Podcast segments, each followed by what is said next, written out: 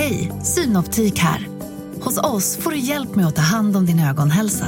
Med vår synundersökning kan vi upptäcka både synförändringar och tecken på vanliga ögonsjukdomar. Boka tid på synoptik.se.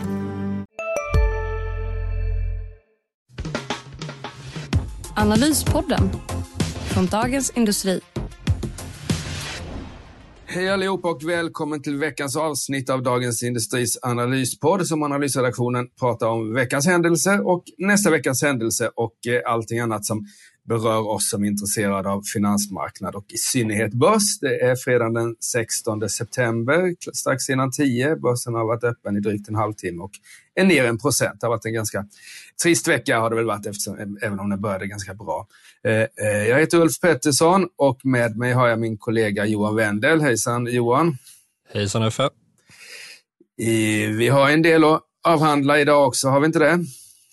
Det har vi absolut. Men vi kan väl börja och snacka lite om det allmänna börsen, eller hur? Som du säger har det inte varit någon vidare vecka om man eh, gillar börsuppgång, det vill säga för blankarna har det varit bra. Vi har ju fått lite trista eh, inflationsnyheter här under veckan och då tänker jag väl framför allt på eh, amerikanska KPI som kom in i tisdags där över förväntan och, och framförallt är det ju kärninflationen där när man räknar bort, det vill säga när man räknar bort eh, mat och energipriser som, som oroar och visar på ett eh, högt tryck i den amerikanska ekonomin fortsatt. Och, eh, den här höga inflationstakten gör ju det svårt för Federal Reserve, det vill säga amerikanska centralbanken, att göra en så kallad pivot, det vill säga skära ner på takten i räntehöjningarna och gå över till en, en, eh, en mer expansiv penningpolitik igen. Och eh, allt annat lika är det här eh, dåligt för aktier, eller hur? Ja, så är det. Och det har, varit, så, säga, det har svängt, svängt den här veckan. Det började, började eh, riktigt bra här med uppgången, men så kom den här inflationssiffran då eh, och eh, sänkte börsen. Så S&P 500 är ner bit över 200 punkter här, det vill säga 5 procent från, från veckotoppen till nu då och det ser ut som att terminen indikerar fortsatt nedgång på, eh, under fredagen här. Vi får väl se vad som händer under eftermiddagen. Eh, och Stockholmsbörsen har följt med. Eh, så så är det och det är ju räntorna som är, är det stora, stora bekymret här var de. Alltså jag tror att marknaden, marknaden kan nog rekul, börja rekulera upp när vi vet när Fed framför allt, men även lite, lite hemma i Sverige då med centralbanken eller Riksbanken när de så att säga, slutar höja räntan och där är vi inte än. Eh, eh, och den här, ska vi säga, lite lilla ränteoptimismen som vi hade under under sommaren och som drev upp börskurserna ganska rejält. Där, och då trodde man ju på 50, 50 eh, punkter, alltså 0,5 procents höjning från Fed nu här nästa vecka. Men nu är det ju eh, 75 punkter som är stalltipset och till och med en, en hel procentenhet som, som kan, till och med kan komma med tanke på att inflationen eh, steg oväntat här senaste mätningen. Och det är ju samma sak i, i Sverige egentligen. Där är det stalltips att Ingves höjer 75 punkter i nästa vecka, men eh, det kan bli också en hel procentenhet. Så det, det är eh, räntepress på börsen och, och jag skrev i veckan eh, om, om vad som påverkar börsen utöver de här dagliga rörelserna vi har hela tiden. Och då är det ju tre faktorer framför allt. Det är vinsterna eh, i bolagen, det är ränteutvecklingen och sen så är det hur sugen man är på aktier, där som vi brukar prata om risk, riskpreferens. Och tittar man nu då på räntorna så har vi uppe, är vi uppe på 2% på den eh, svenska långräntan. Eh, senast vi hade det var 2012, 13, 14 och då hade vi ett P tal på mellan 12 och 15 och nu ligger vi på 14. Så den här P talsnedgången vi haft från 18, 19 vid början av året ner till 14 är så att säga helt ränte... Det är liksom helt rimligt med de räntor vi har nu. Då. Skulle räntan vända tillbaka så kommer börsen gynnas. Skulle den fortsätta upp så kommer börsen missgynnas. Och sen har vi då vinstutvecklingen här där man fortsatt räknar faktiskt med ett ganska bra vinstlyft kommande 12 månader på strax under 10 procent. Det, det får vi väl se hur det blir med det. Nu är vi ju dollargynnade i Sverige här så det kanske, de svenska vinsterna kommer väl utvecklas bättre än i, än i USA. Men i USA så börjar man ju se här en hel del eh, vinstvarningar. Det har vi faktiskt sett i i, i, i Sverige också, eh, Johan, eh, den här veckan. Ja, men verkligen. Eh, det har vi, har vi fått se här. Vi har ju, eh, jag hoppas jag inte har missat någon här, men eh, jag, det jag har sett är Duroc, Essity, Electrolux, Thule och Mips. Jag hoppas jag inte har missat någon där. Electrolux, fick du med dem också? Ja, Electrolux var med här. Så det, det har ju varit, och det här är ju lite skilda branscher ändå får man säga kanske. Ja, det, det, det är intressant läge för hösten där eh, och eh, vi har ju sett hur många bolag har eh, lite, lite mer tilltagna varulager än vanligt till exempel och vi får kanske en höst där man får bevittna den här så kallade bullwhip-effekten, alltså pisksnärt där det här slår över till en mer deflationistisk tendens, eller vad tror du? Ja, det här bullwhip är ju då att eh, hur, hur, hur de olika leden i en, i en så att säga, eh, marknadsekonomi eh, påverkas. Att säg att efterfrågan minskar 10 procent och sen så har man en lagernedgång med 10 procent. och det betyder det att produktionen, de som är i, längst bak, minskar, minskar 20 procent. Och det där får vi väl se.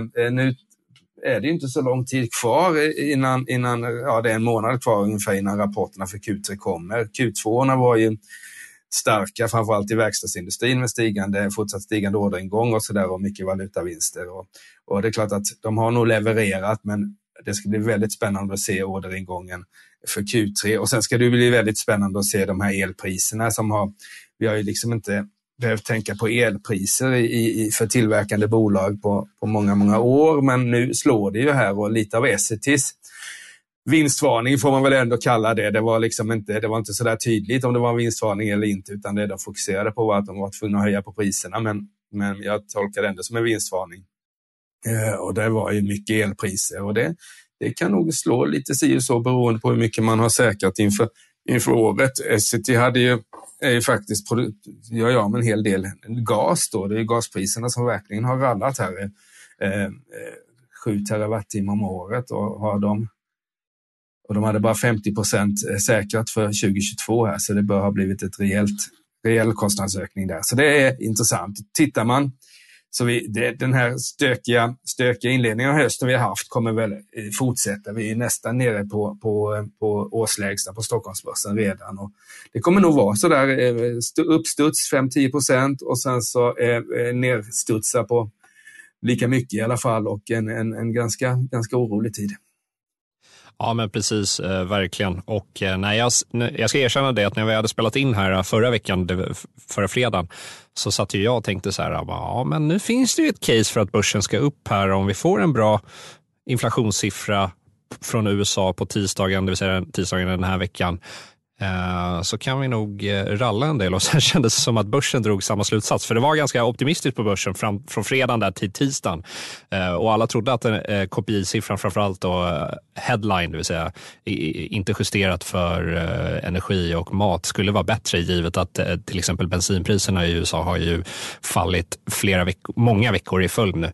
Men så blev det ju icke. Och eh, precis som du säger, det här får vi leva med. Och en, faktor i det här dock är, som kanske dämpar i alla fall oron det finns ett tak för oron i alla fall. Det är ju den här energiplanen från EU där man försöker då begränsa elpriserna och försöker då koppla isär gas och eh, el från till exempel kärnkraftverk och förnyelsebara eh, energikällor. Det tror jag kan ju i alla fall begränsa eländet. Eh, men det är fortfarande mycket högre elpriser än vi är vana vid, precis som du säger. Det här har vi aldrig tänkt på tidigare. Det har bara varit el. Liksom. Precis, så är det. Bra, ska vi prata lite om, det har ju varit en hel del, du nämnde de här vinst, vinstvarnande bolagen, men vi har ju haft en del bolagsnyheter också. Du var ju faktiskt i, i London i, i veckan va, Johan och eh, träffade Kindreds vd och var på deras kapitalmarknadsdag där de verkligen eh, öppnade på locket och presenterade massvis av siffror. Hur, är, om du ska sammanfatta din din bedömning på Kindred här denna fredag jämfört med förra fredagen, det vill säga innan, innan kapitalmarknadsdagen. Hur, hur ser du på bolaget och, och hur såg du på det de presenterade där? Ja, men precis. Jag, jag fick en, ett bättre intryck efter den här presentationen faktiskt. Och eh, Bland de positiva nyheterna som de presenterade var ju till exempel hur det går i Holland, eh, eller Nederländerna då som är den rätta termen. Och eh, ni kommer säkert ihåg att för drygt ett år sedan så stängde ju eh, Kindred illa kvickt ner sin verksamhet i, i, i Nederländerna för att man ville då ansöka om licens och man fick inte ha kvar den här verksamheten, vilket var lite oväntat. Och det här fick ju aktien på kraftigt fall och det är också en huvudanledning till att eh, Kindreds eh, vinst har rasat i år. Nu beskeden till eh, aktiemarknaden nu var att man är tillbaka i Holland från och med i juli eh, och att det går bättre än förväntan.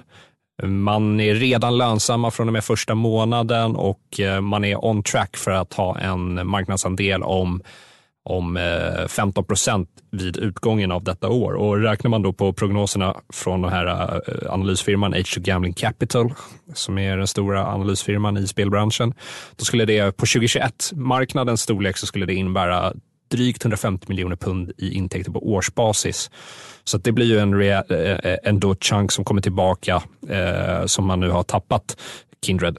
Och, eh, så, så det var framförallt det som jag tog med mig var positivt. Sen finns det ju lite sådana här eh, det finns ju, ett, eh, det finns ju några orosmoment kanske i Kindred i form av att vad ska hända på den brittiska marknaden? Där ska presenteras ett så kallat white paper Eh, och, och, eventuella förändringar i hur eh, spelmarknaden där regleras. Det är ju en väldigt viktig marknad för Kindred. Det är ett sånt här orosmoment. Men Kindred sa att vi har varit väldigt konservativa när vi har eh, modellerat våra finansiella mål med hänsyn till den brittiska marknaden. Jag tolkar det som att de räknade med, med nolltillväxt där eh, i sina finansiella mål. Och eh, sen har du ju den här utvecklingen av deras egna sportboksplattform. Och eh, som kanske initierade lyssnare känner till så köper ju Kindred in en betydlig del av sin sportboksverksamhet från Kambi det här vill man ju sluta med i viss utsträckning genom att utveckla sin egen plattform. Och då pratade en hel del om det och, varför det är viktigt. Och Det tyckte jag också var väldigt intressant att höra vad, varför det här var väldigt viktigt för dem. Eh, och där har de ju då så svängt väldigt kraftigt jämfört med några år tidigare. Så sent som 2014 knoppade ju Kindred av Kambi eh, för att ha det som separat bolag. Så att, äh, det var, jag tyckte att det var en spännande kapitalmarknadsdag, allt som alles. Och då måste det vara negativt för Kambi då, om, Kindred så att säga satsar mycket hårdare på en egen sportbok. Eh, ska absolut, de även exportera absolut. sin sportbok i framtiden, Kindred? Eller kommer det det bara... verkade inte vara prioriterat att sälja en uh, business to business för Kindred, utan anledningen till att man tycker det här, att det är så viktigt att ha den eh, internt, är för att man räknar hela tiden med att det kommer bli alltid mer begränsningar i marknadsföring och så vidare från myndighetshåll. Det är ingen som är vidare förtjust i spelreklam i något land eh, och den här debatten är vi inte främmande för här i Sverige. Och då tänker eh, bolag som Kindred, men även andra, andra operatörer att okej, okay, då kan vi inte köpa in en liksom, generisk sportbok. Då måste vi ha den in-house för att kunna differentiera oss mot våra konkurrenter, att vi har en unik produkt.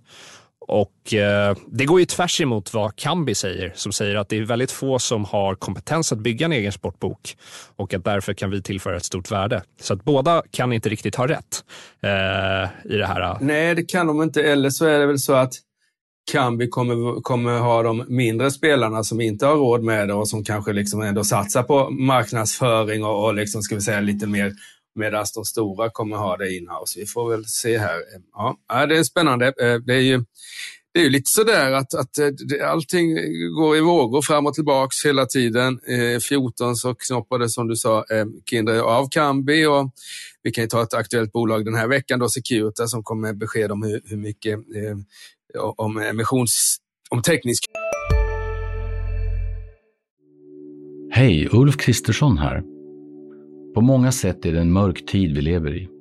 Men nu tar vi ett stort steg för att göra Sverige till en tryggare och säkrare plats. Sverige är nu medlem i Nato. En för alla, alla för en. Har du också valt att bli egen? Då är det viktigt att skaffa en bra företagsförsäkring. Hos oss är alla småföretag stora och inga frågor för små. Swedeas företagsförsäkring är anpassad för mindre företag och täcker även sånt som din hemförsäkring inte täcker. Gå in på swedea.se företag och jämför själv.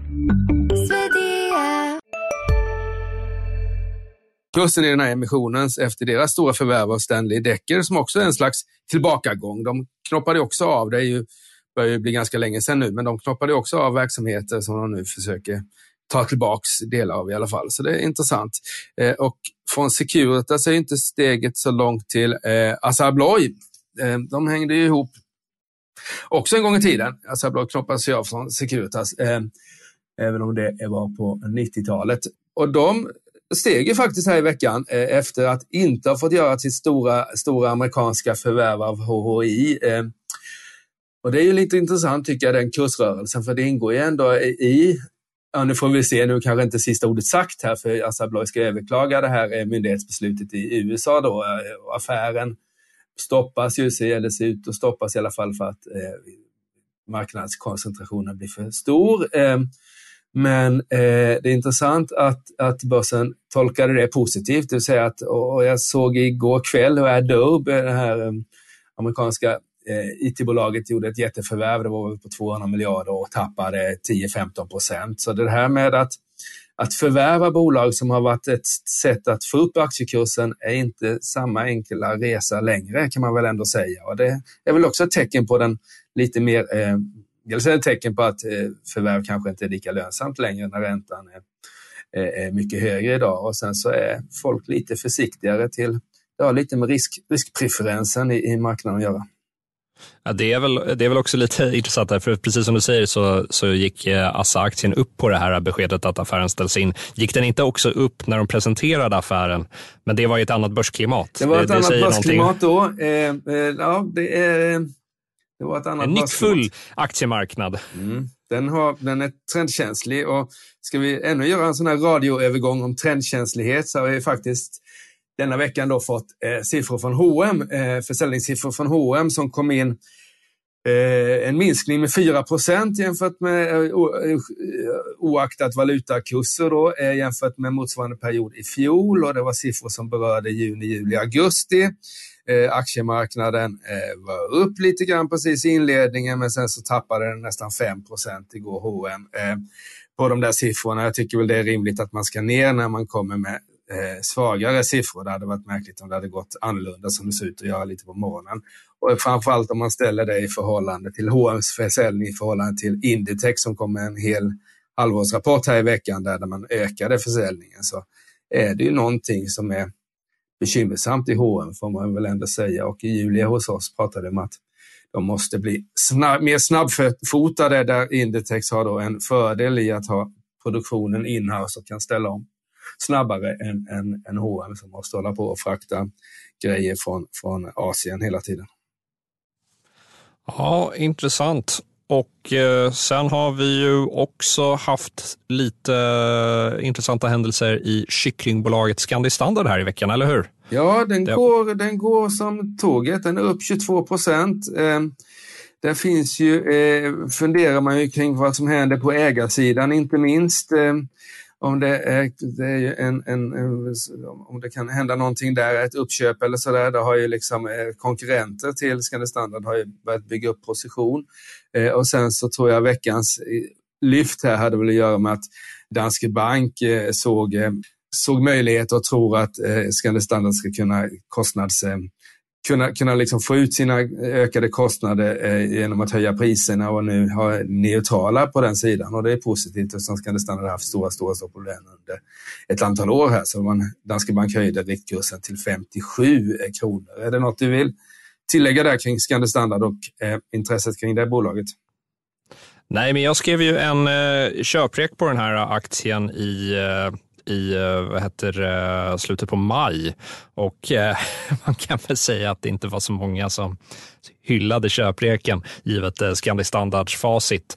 Eh, och eh, det, man ska inte eh, sticka under stol med att det har varit uselt på börsen hittills, men hittills har ju aktien utvecklats väl här. Men det är såklart att det, det här är ju en intressant grej vad som kan hända på ägarsidan och det är ju de här, den här portugisiska aktören Grupo Luciaves som har köpt på sig över 10 procent av bolaget här under våren och sommaren. Men eh, det finns ju också frågetecken som vi har snackat om tidigare här, till exempel elpriser. Det är en osäkerhetsfaktor i det här, i det här caset, absolut. Mm. Det kan man inte sticka under stol med. de som har varit inne i en sån där kyckling eller sett kycklingar, jag vet, eh, det är ganska mycket, mycket lampor och sånt där för att hålla värmen och så. så och de, de lyser kraftigt de där. Så brukar vi ju nu för tiden i vår, vår analyspodd ha, ha ett par case då och eh, jag har faktiskt två case denna veckan så du behöver inte ha något case denna veckan Johan om du inte känner för det. Och jag eh, satt i köp eh, förra måndagen på eh, Getinge eller i måndags var det faktiskt till och med. Eh, den har kommit ner, den är mer än halverad från toppen eh, och är nere på under 200 spänn nu. Eh, värderas som börsgenomsnittet börjar det faktiskt göra nu på nästa års vinst om jag får rätt i min vinstuppgång. Jag tycker det är ett bra defensivt spel eh, eh och att eh, de här, de har haft tuff, två tuffa kvartal nu som har sänkt aktien. Men jag tror, tror det skulle kunna bli en liten vändning under vintern när man möter lite sämre jämförelsetal och eh, eh, den här fortsatta så att säga, utvecklingen mot att, mot att vi har en del vård, en del kirurgivård som behöver hanteras efter pandemin. Och där har vi också faktiskt, vilket vi får se här, jag pratade med, med Mattias Perjo, som är VD på Getinge och det är ju influensasäsongerna här som styr faktiskt lite grann efterfrågan. Är det en hård influensasäsong så behöver man så är det en del som, som drabbas så hårt i influensa att man måste in på, på sjukhus med respiratorer och till och med ECMO, ECMO-system om det blir riktigt illa. Och, eh, på andra sidan jordklotet i Australien så har de är ju ett halvår före oss kan man säga, så har influensasäsongen varit ganska hård här och det, det är den i Europa också och USA. som så är det bra, bra för Getinge även om det är tråkigt för oss medborgare. Så, så ett defensivt spel i en väldigt osäker värld här, är inte mycket elpriseffekt på, på bolaget, gör inte av med så mycket el. Ja, det, det finns, man, kan, man, kan vara, man kan lyfta fram negativa saker också, men jag tycker ändå att det är ett intressant case i, i dessa tider, framförallt när, när konjunkturen ser ut att vika snabbare än vad vi trodde bara för ett par månader sedan. Och även mitt andra case eh, är på samma tema, nämligen defensivt. Det är ACQ Bure, det här SPAC-bolaget som noterades för ett och ett halvt år sedan på börsen våren 2021. Eh, då fick man betala 100 kronor för att eh, teckna aktier i dem. Nu står den i 91 kronor, så den har gått ner 9 procent. Det egna kapitalet, de har inte gjort någon affär än, det egna kapitalet ligger på 96, 97 98 kronor någonting.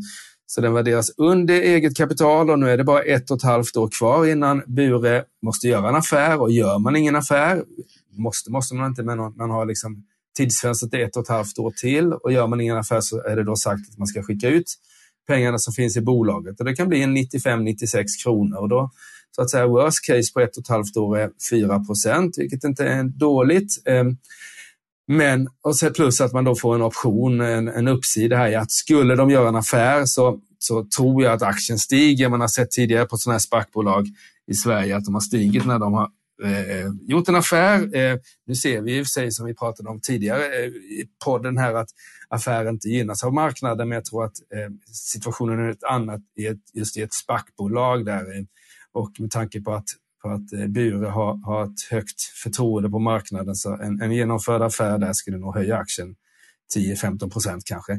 Och då är man så att säga, det, det tycker jag blir, blir en bra defensiv, att man får ändå liksom, skulle det inte hända något så har man inte förlorat några pengar utan tvärtom kanske fått motsvarande räntan. Och, men det kan hända spännande saker om de genomför en affär och det är ju framförallt inom IT, IT-teknik i någon slags bred bemärkelse. Jag tror de letar framförallt leta aktier när det letar bolag.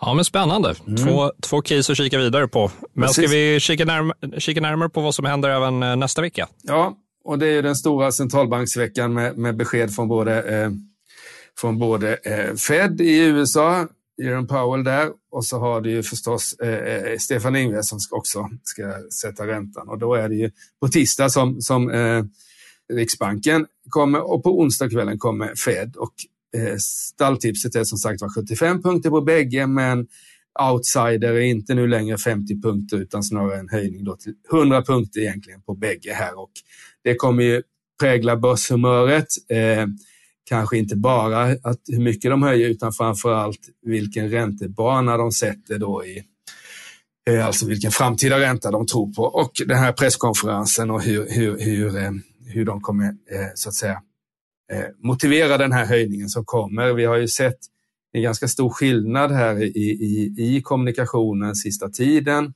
både, både från Riksbanken där, där Stefan Ingves i början av sommaren pratade om att han inte skulle höja räntan så att man kräks, men sen så ändrade han till att säga att vi är bortom små steg. Eh, det är en ganska stor förändring och eh, Jerome Powell var ju ganska duvaktig vid senaste räntebeskedet, men i, Jackson Hole-mötet här som har varit mellanmötet i, i den här stora centralbankskonferensen så var han ju desto mer eh, eh, aggressiv på räntehöjningsbanan där. Så eh, ja, det blir väldigt spännande och det, kommer, det kan röra börskurserna 3-4 procent i en del riktning eh, beroende på hur, hur det ska tolkas. Och tolkningen är ju då små, ränt, små framtida räntehöjningar är bra för börsen, stora, stora framtida räntehöjningar är dåligt för börsen.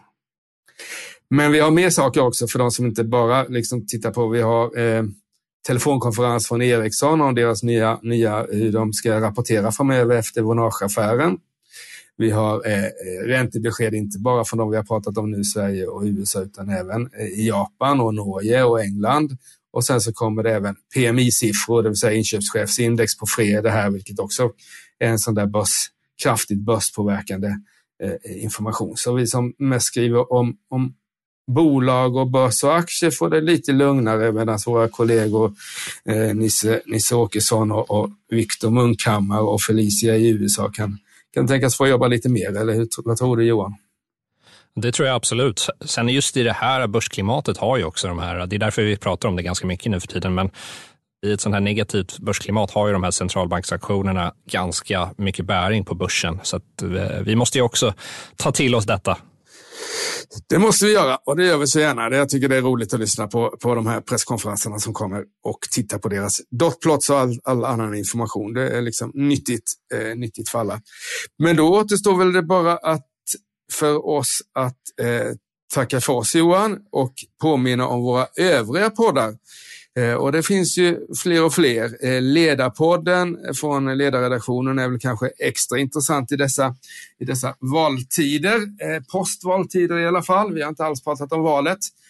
Det är för att det inte har påverkat börsen på något sätt. Eh, makrorådet är ju också eh, extra intressant med alla dessa räntebesked vi har pratat om privatekonomin på den Dina pengar är också, också väldigt högintressant med ränteuppgångar och inflation och elpriser. Eh, morgonkollen måste man ha koll på som kommer varje, varje morgon. Och så har vi Digitalpodden där det också händer saker hela tiden. Så det är, finns mycket, mycket att lyssna på, men ni får se till att ta lite ledigt också för nästa vecka blir en ny spännande börsvecka. Har du något att tillägga Johan innan vi tackar för oss? Du summerade det väldigt väl. Tack ska du ha för det och tack alla för att ni lyssnade på oss denna vecka. Eh, återkom gärna nästa fredag. Tack, hej! Analyspodden från Dagens Industri. Programmet redigerades av Umami Produktion. Ansvarig utgivare Peter Fellman.